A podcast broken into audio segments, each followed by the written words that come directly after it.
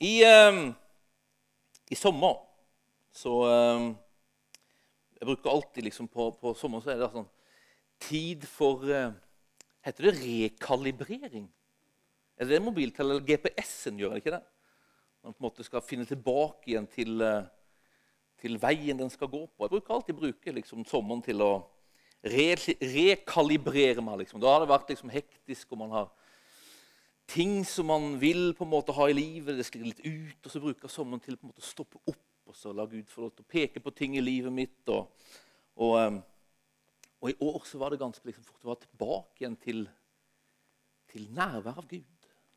Altså inn nær Han. Det er utgangspunktet i livet vårt. vet du. Men så er det en annen ting som Gud har talt liksom, til meg om. Det er og det er litt, litt, hører litt sammen, faktisk. Og det er om å følge Han. Følge Han. Og jeg tenkte jeg skulle tale litt om det i, hvert fall i dag. Om eh, hva følger du, og hva følger er. Og Da går vi til en sånn klassisk, vanlig tekst å lese som de fleste kan. Det betyr ikke at man er ferdig med en tekst dette, fordi man har lest den. Guds ord er liksom, tar aldri slutt. Og det må holdes ved liv og må tale inn i livet vårt sånn, sånn, sånn hverdagsliv. Hver dag. Matteus 4, vers 18. Jesus kaller de første disiplene. står så her, En gang Jesus gikk langs Galileasjøen, fikk han se to brødre. Simon, som kalles Peter, og hans bror Andreas. De var i ferd med å kaste not i sjøen, for de var fiskere. Han sa til dem, 'Kom, følg meg, så vil jeg gjøre dere til menneskefiskere.' Straks lot de garnet ligge og fulgte han. I sommer så hadde Eddie på besøk. I løpet av vinteren så, så gikk det et sånt stort snøras over verandaen på leiligheten hjemme. så det, den, den eh, knakk nesten sammen. I hvert fall så var den liksom sterkt deformet. Og den behøvde fikses. Og da eh, kom Eddie hjem, og eh, da fiksa vi den. Vi fiksa den. Det var Jeg fikk være med på det. Og eh, det heiv seg på en til som ville være med på det. Det var veldig tydelig på en måte hvem som var mesteren. Det var Eddie som var mesteren, og så var det jeg som var læregutten, eller jeg og Theodor som var læregutten. Vi, eh, vi fulgte mesterens tydelige, klare instrukser og fikk være med og fikse denne verandaen. Og Det er egentlig et bra bilde. Jeg holdt på med det, så, så, så kom jeg på å tenke på det, det er et bra bilde på hva det her med disippelskap handler om. Den teksten vi leste, har overskriften i min bibel 'De første disiplene'. Og det her Ordet 'disippel' det er på en måte et, er et sånt ord Jesus, eller Evangeliene bruker det 230 ganger for å beskrive oss som tror. Vi er disipler. Det betyr helt enkelt en lærling eller en etterfølger. En som følger, gir plass og lar seg influere av en mester. Og Det er det vi er kalt til. Vi er kalt til å være disipler. Misjonsbefalingen er jo egentlig en sånn disippelbefaling. Gå ut og gjør alle folkeslag til mine disipler. Bli disipler og gjør disipler. Vi er kalt til å bli hans etterfølgere og gjøre andre til det. Det er kallelsen til mitt liv, og det er kallelsen til ditt og mitt liv. Det Sosiale medier har jo et sånt begrep om å følge. Og Jeg vet ikke hvor aktiv du er på liksom, sosiale medier. Av og til så tar jo det litt for mye tid i livet vårt. Det kan jo være en del av liksom, som- sommerprosessen. Mindre tid i sosiale medier. Men i sosiale medier og, og, Instagram så kommer det her med å være følger inn. Altså. Bare følger. Og Dette er et lite klipp fra min Instagram-konto. Til, Nå er det ligastart i England. For de som er interessert i fotball, er fullt klar over det. Og Det er sånn tid i året da er jeg liksom ekstra opptatt av fotball. Og da når jeg er på Instagram, så trykker jeg liksom 'følg' på en del sånne der fotballsider. Leeds er jo laget. Så når man er i denne her perioden, så er det spennende tider. Hvem, hvilke spillere kjøper Leeds? Hvilke spillere forsvinner fra Manchester United? Det er sånne ting som jeg er opptatt av nå om dagen.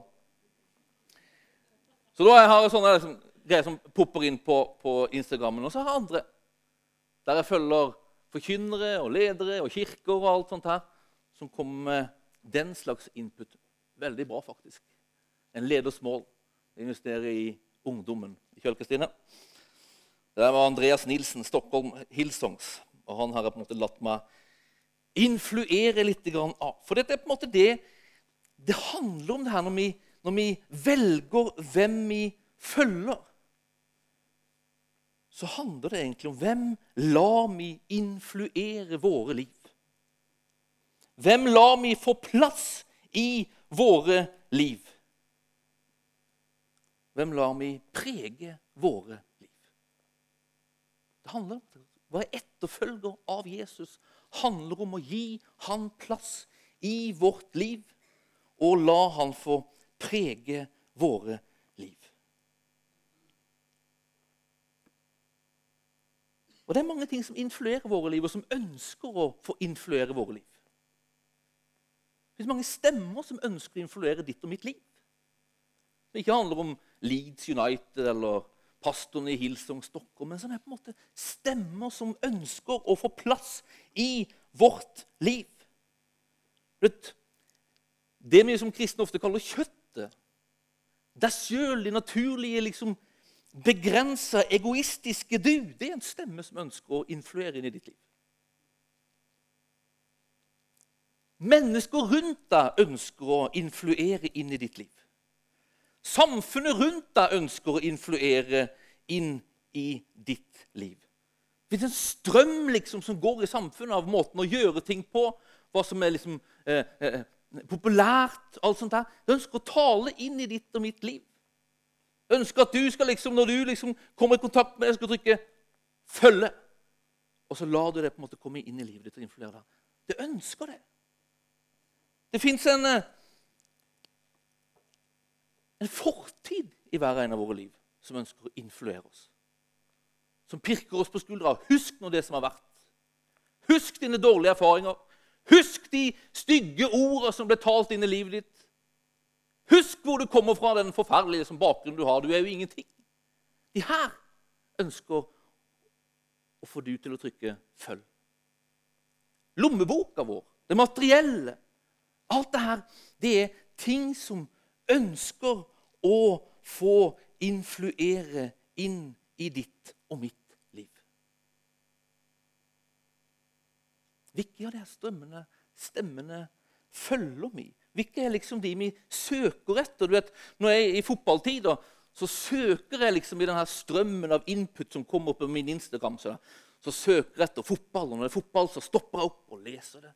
Andre ting er mye mindre interessant. Tante Olga, onkel, onkel Jonas sånn det, det, er liksom det bare å la strømme forbi. Men når fotballen kommer sånn Eller Hvilke stemmer stopper vi opp med? Hvilke stemmer gir vi oppmerksomhet? Hva er det vi aktivt og bevisst faktisk følger i livet våre? Og hvilken plass har Jesus på den lista?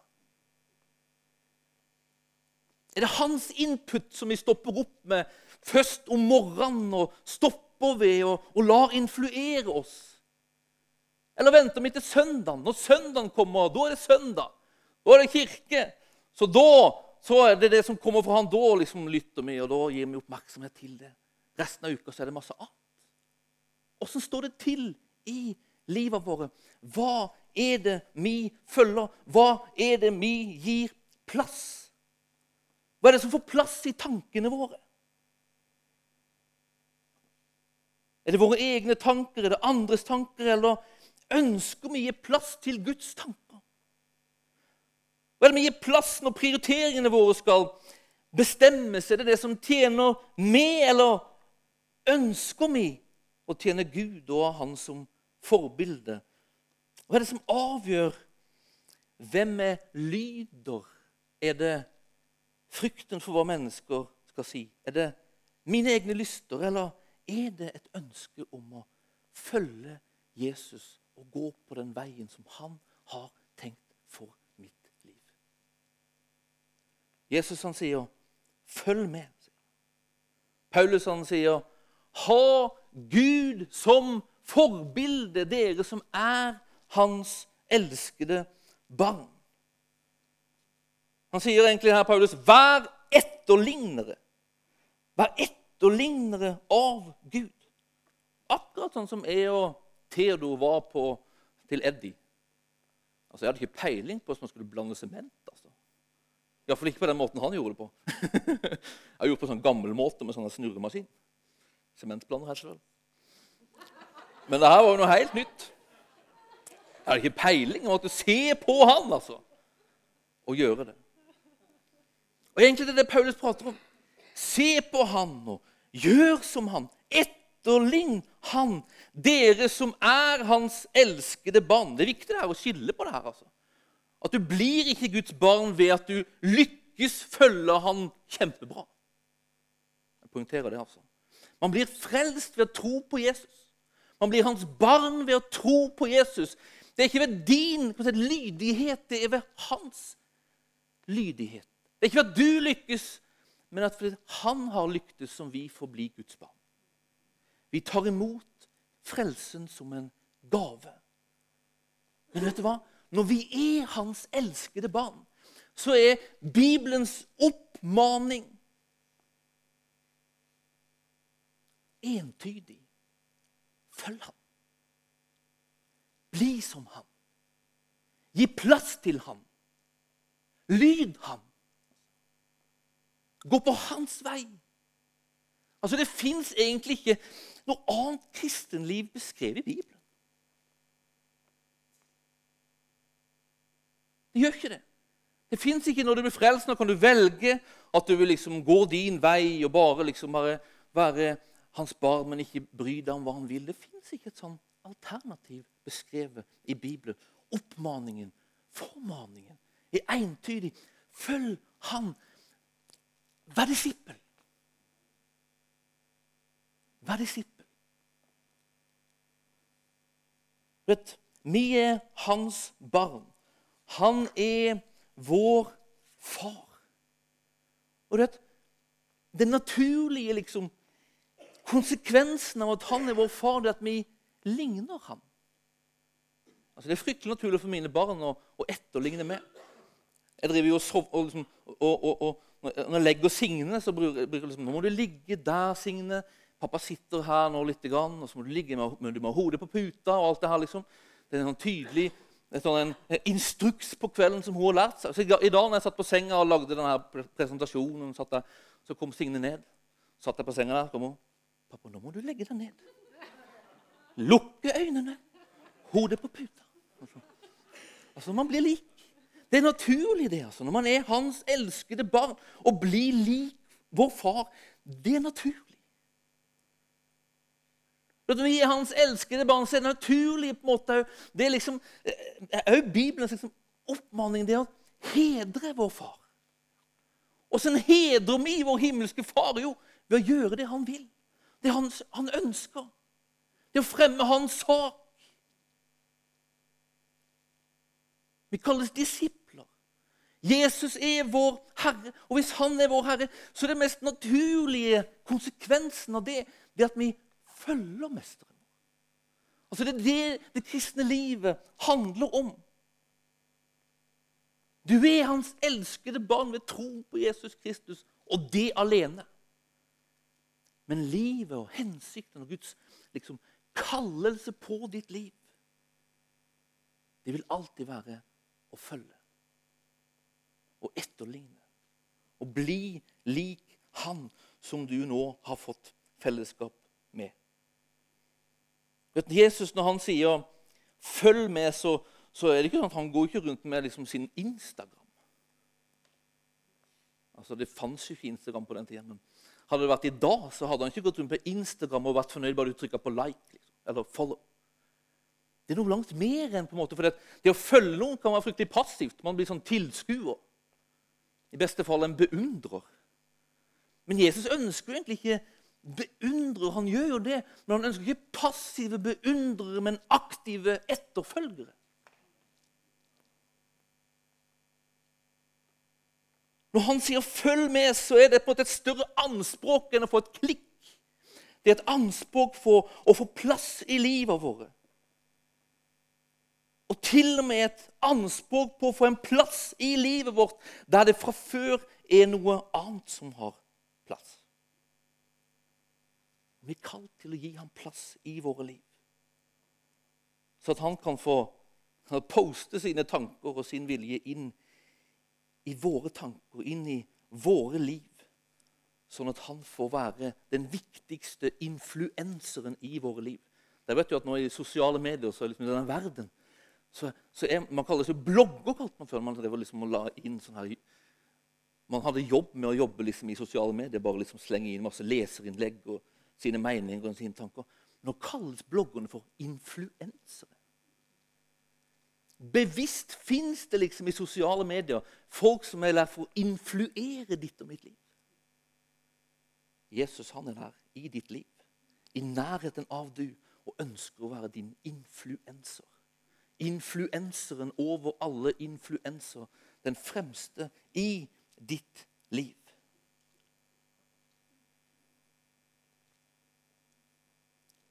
Åssen gir vi han plass i livet vårt?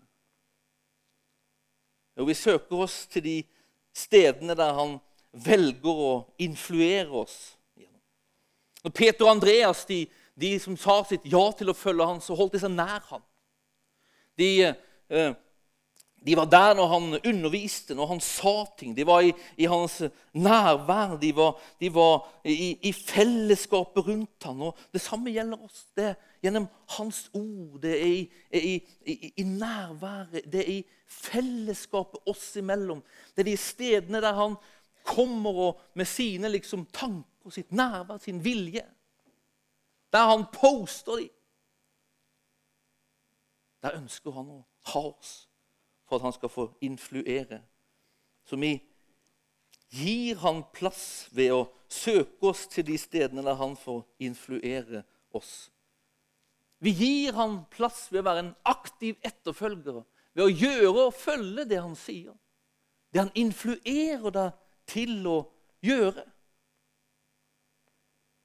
Når Jesus prater med Peter og Andreas og de andre, så, så handler det om å, om, å, om å, gjøre ordet. Han forteller jo denne lignelsen om den som bygger på fjell, og den som bygger på sand. og den som er Vi som bygger solid, og som bygger på fjell. Den som hører ordet og gjør ordet.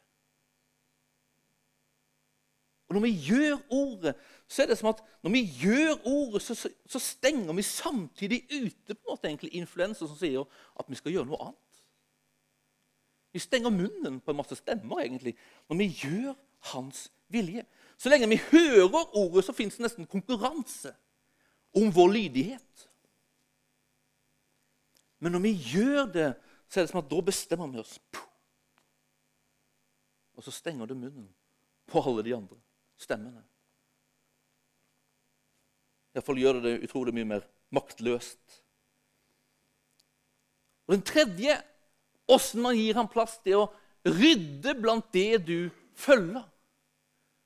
Vet, av og til kan det være så mange ting som, som liksom renner inn på min Instagram at de her inputter som jeg leter etter, de blir som de nesten drukner.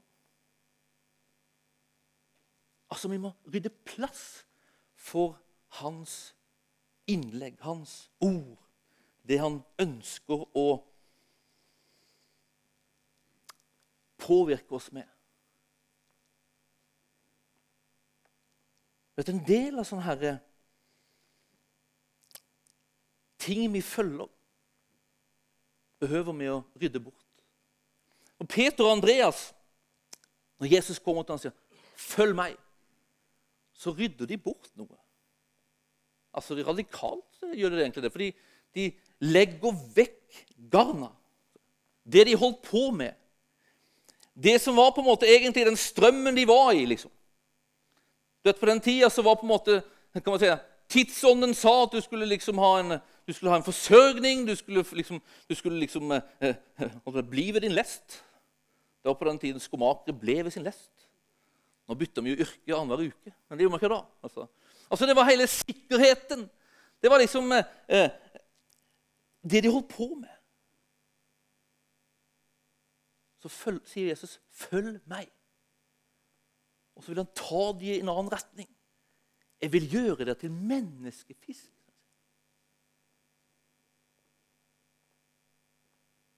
Og konsekvensen av å si ja, blir at de legger vekk noe.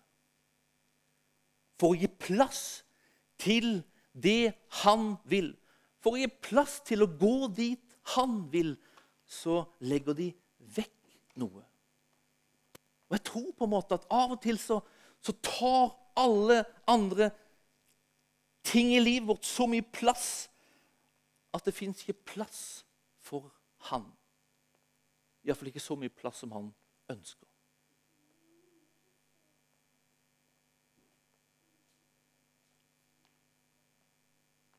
Og Denne prosessen på en måte, har gått litt sånn i, i sommer. Hva er det som hindrer meg å følge han? Hva er det som hindrer meg å lyde han? Hva er det som hindrer meg å tjene han? Hva er det som hindrer meg å gjøre det han har kalt meg til å gjøre? Og ikke at jeg har kommet fram til noe konkret på alle de punktene der. Men jeg har latt spørsmålene liksom få treffe meg. Fins det noe i mitt liv som tar for mye plass? Som begrenser din plass, Jesus. Som begrenser min etterfølgelse av deg. Fins det noe som jeg på en måte må legge vekk for å skape rom for du i livet mitt, så du får påvirke meg på en sånn måte som du ønsker å gjøre? Det fins ting i våre liv som på en måte distraherer oss, og som begrenser vår etterfølgelse. Vi hadde, vi hadde en stund der på Neset når jeg, når jeg og, og, Eddie og Theodor fiksa verandaen, som, der, der, Theodors etterfølgelse gikk litt sånn så som så. Altså, Eddie sendte han inn under verandaen for å ta fram en del materialer. Vi skulle liksom ta vekk materialene. De skulle ned foran, foran uh, garasjen. Jeg tenkte, nei, skal Eddie bruke om igjen? tenkte jeg. Det, det var det ikke sånn, men iallfall så skulle de ut derfra og de skulle ned der. Det var det vi skulle gjøre. Det var det mesteren ville at vi skulle gjøre. Det var det vi skulle være med på. Og Det begynte bra for Tedo. Han var inne og henta noen planker og kom ut igjen. Men plutselig så ble han sittende der inne. Da hadde han funnet noe materiale. sa, 'Jeg vil lage skip', sa han. 'Jeg vil lage skip'. Og Så ble han sittende der og så tenkte han liksom 'Jeg vil gå min vei'. Jeg har min idé. Nå har det kommet en influenser som er en annen enn Eddis. En kreativ sjel, så det var hans egen liksom, kreativitet som distraherte ham. Men iblant er det andre ting. Altså. Menneskers vilje og forventninger. Dine egne lyster og egoisme. Materialisme. Det er masse rundt oss som vil distrahere, ta plass og begrense Jesu plass i våre liv og vår etterfølgelse av ham. Hva er det i våre liv som begrenser oss? Etter en stund så fikk vi på en måte rekalibrert Theodor. Vi vil du skal være med på det her. Vi har en trillebår her som du skal få trille. Du skal ned der nede foran. Og Så fikk man rekalibrert han, og så fikk han, han i gang. Og så fikk han være med på noe helt nytt. Nemlig å kjøre trillebår uten at trillebåret velta. han har prøvd det før, og det går aldri bra. Men denne gangen så, så fikk han være med på at trillebåra, den Den eh, kom ned. Fordi at når han kom ut der, så var mesteren der. Og så tok han den tunge byrden, og så fikk Theodor være med og kjøre trillbår til stor begeistring. Det er det som er disippelskap. Det er det som er Guds tanke. Det er at du skal få være med på det han gjør og vil. Men for at vi skal få gjøre det, så må vi være villige til å følge ham. Vi må være villige til å gi ham plass og rom i våre liv for at han kan få virke. At han kan få virke. Jeg tror det er sånn som jeg skrevet her, at det er den grad du følger, det er den grad han får plass til å virke. Og av og til så er det òg den plass han gjør, som avgjør hvor mye han får gjøre ditt liv. Og jeg vet at Gud kan gjøre suverent. Han kan gripe inn i menneskers liv som absolutt ikke har tenkt på han engang. Han kan komme til muslimer i drømmer som ikke aner noe om han, og som gjør at de blir frelst. Men hovedveien i Guds ord på hvordan Gud får virke i og gjennom ditt liv, det er at du følger ham. Til Peter og Andreas sier han, 'Følg meg, så vil jeg gjøre det til menneskefiskere'. Fantes en betingelse for at Gud skulle kunne gjøre det han ville gjøre, ved at de fulgte ham. Det fins en sånn sterk fortelling i Det gamle testamentet om det å gi plass og rom for Gud i livet. Det i andre kongeboken, kapittel 4. Det er profeten Elisha som, som, som kommer i kontakt med en, en kvinne og hos sin mann. Og Det virker som det er kvinnen som er mest ivrig. Det er jo typisk. Men Profeten Elisha han er på vei liksom i de traktene, og så, og så får denne kvinna profeten til å komme innom på veien og spise før han drar videre. Huset de som ligger en sted som heter Shunem. Og etter denne gangen at han var innom der, så er det liksom at han legger liksom veien om det her huset når han er i de traktene for å spise og så dra videre. Han er innom. Men etter noen ganger så liksom, kvinna sier til mannen sin la oss bygge et rom for gudsmannen. Sånn at når gudsmannen er i traktene, så er det ikke bare sånn at han bare kan stikke innom, men at han kan få være her. Overnatte her. Få en plass her. Og så gjør de det. Ofrer antageligvis masse tid og ressurser og bygger et rom. Antagelig så at de måtte legge til side andre ting. Det står ikke noe om det. Men vi kan tenke oss at det kosta noe. Det kosta tid og ressurser som gikk utover noe annet for å skape et rom for gudsmannen. Han som var bærer av, av, av Guds nærvær på denne tida. Og Så skapes det et rom som gjør at profeten når han kommer, kan, kan bo der, være der. Han og sin tjener.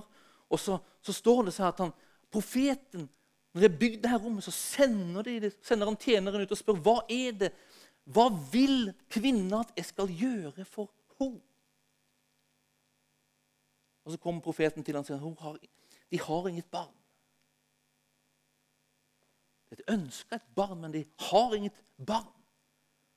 Og Så kommer profeten med et budskap om at kvinna skal få en sønn. og Så går det en tid, står det, og så får kvinna miraklet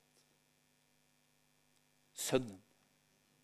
Det står at sønnen vokste opp, og så står det at sønnen en dag blir syk og dør. Hva gjør kvinna? Jo, hun bærer sønnen opp i rommet til gudsmannen, står det, og legger han der. Og sender bud. Og Profeten kommer, og så legger han seg på sønnen, og til slutt så får sønnen liv igjen. Og kvinna får sønnen tilbake. For mirakler. Det er skapt et rom for Gud i et hjem. Det er gitt plass til han, så han kunne få virke et mirakel. Og jeg tror at det fins et sånt bibelsk nærmest sånn prinsipp. Altså. Gud behøver å få plass i våre liv for å gjøre det han vil gjøre der. Gud er fredens gud, men åssen kan han få være fredens gud i ditt liv hvis du ikke har plass for ham der? Han er all trøsts gud, står det, men åssen kan han få være det hvis ikke det fins plass for ham der?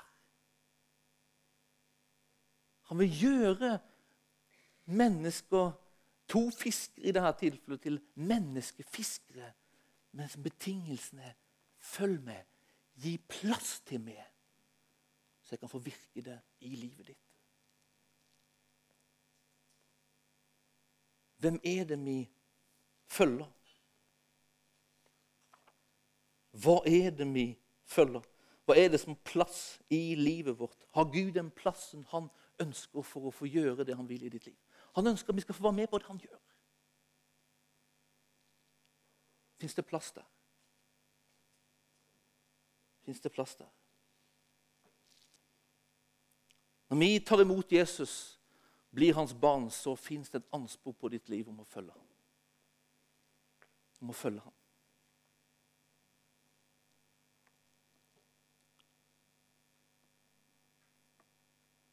La meg han få plassen. La meg han få influere oss på livets alle områder. La meg han få influere oss i vår rolle som foreldre. La meg han få influere oss på området av å være ektefeller. La meg, han, la meg han få influere oss i rollen som arbeidskamerater. Naboer. Får han plass i livet vårt på de ulike områdene i livet vårt? Eller er det andre ting som, som taler sterkere og taler høyere i livet vårt?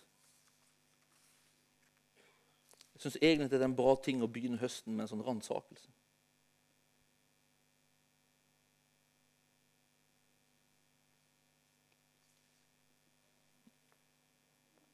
Fins det noe som han peker på i våre liv, som vi behøver å gi opp for å skape den plassen i livet vårt. Og Her handler det om, om å ønske, og det handler om å ville. En del ting kanskje kan, kan man liksom ligge på viljeplan. Vil jeg på en måte gi plass? Vil jeg, vil jeg gi opp noe? Andre ting kan være langt vanskeligere. Jeg er klar over det.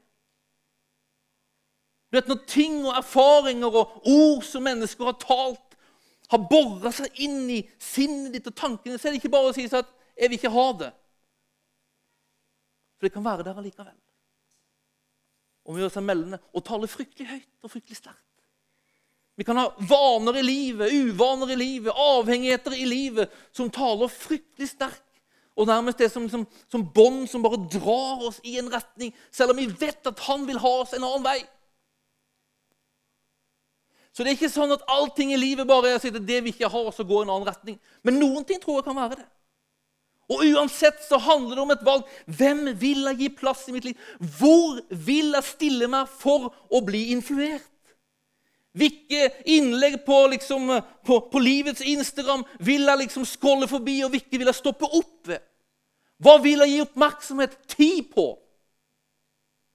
Ønsker jeg å gi tid og oppmerksomhet på de stedene der han vil gi sitt input? Eller stopper jeg heller opp der tidsånden får tale? Der lystene mine får tale? Der menneskene rundt meg får tale? Det er valg og avgjørelser som jeg tror er bra å ta jevnlig i livet vårt. Og ikke det minst liksom, i sånne oppstartsfaser i perioder der ting liksom fortsatt er litt sånn stille og rolig rundt oss. Stoppe opp da, ta liksom oljepeilene og våge å se åssen det står til. Og våge å ta valg, prioriteringer, ut fra det vi finner ut av det. Amen. Det var det jeg hadde på hjertet mitt i dag.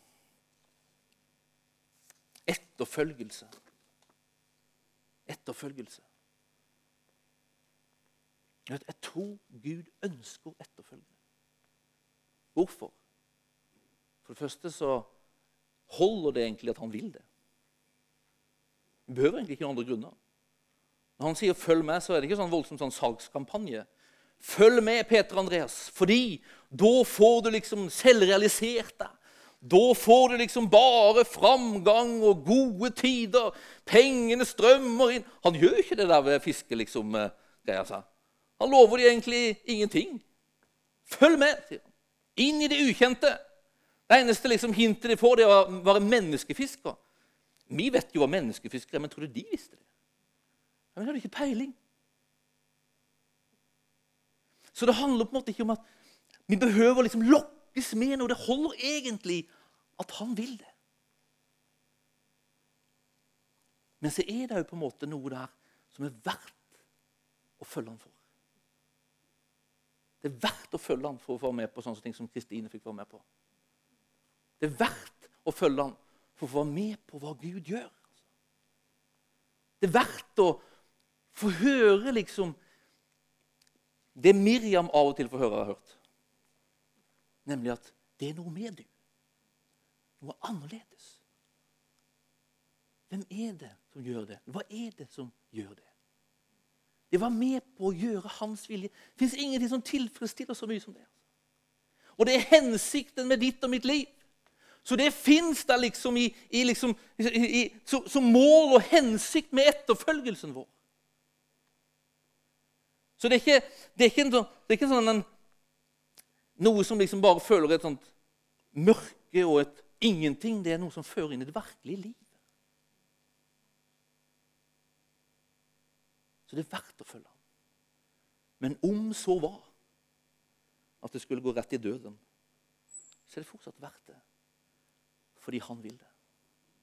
Og det er noe som har utfordret meg i sommer. Altså. Fordi han vil det.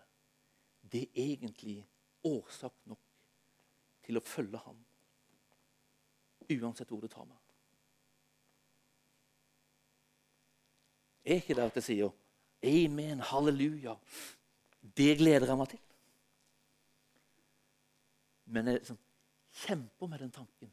Og jeg vil ha den holdningen i mitt hjerte at uansett om du gir meg nada, så vil jeg følge du fordi du sier det.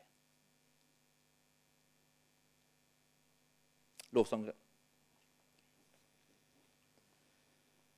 Vi lar den henge der, og så lar den forbli en utfordring som vi tar med oss hjem.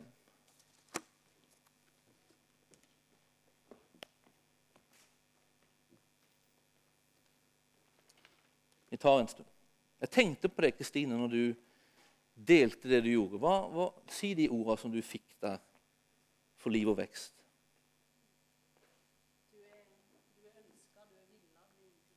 Du er ønska, du er villa, du er ingen tilfeldighet. Når du sa det så som Jeg tror det sitter noen her som de ordene er til. Og er du her, så er vi veldig gjerne liksom her for, for du, for å be for og med deg. Er du her at du bare ønsker å gjøre en sånn ny sånn overgivelse på det som er talt om i dag? Jeg vil følge du. Og jeg klarer ikke å ville det. Men jeg vil ville det. Jeg vil virkelig ville det så mye at jeg legger vekk de stemmene som vil dra meg en annen retning.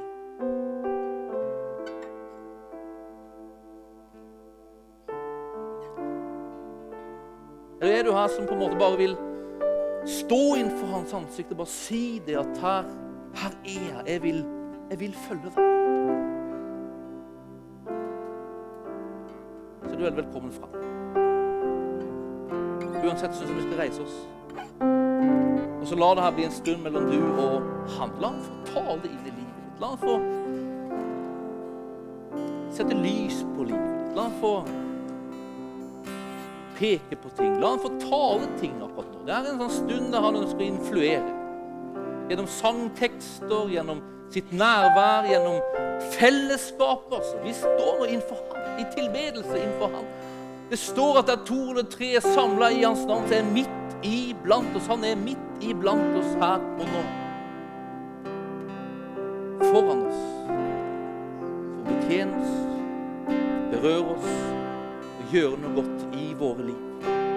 Stå der du er hvis du vil. Kom fram om du ønsker det, som tar stund.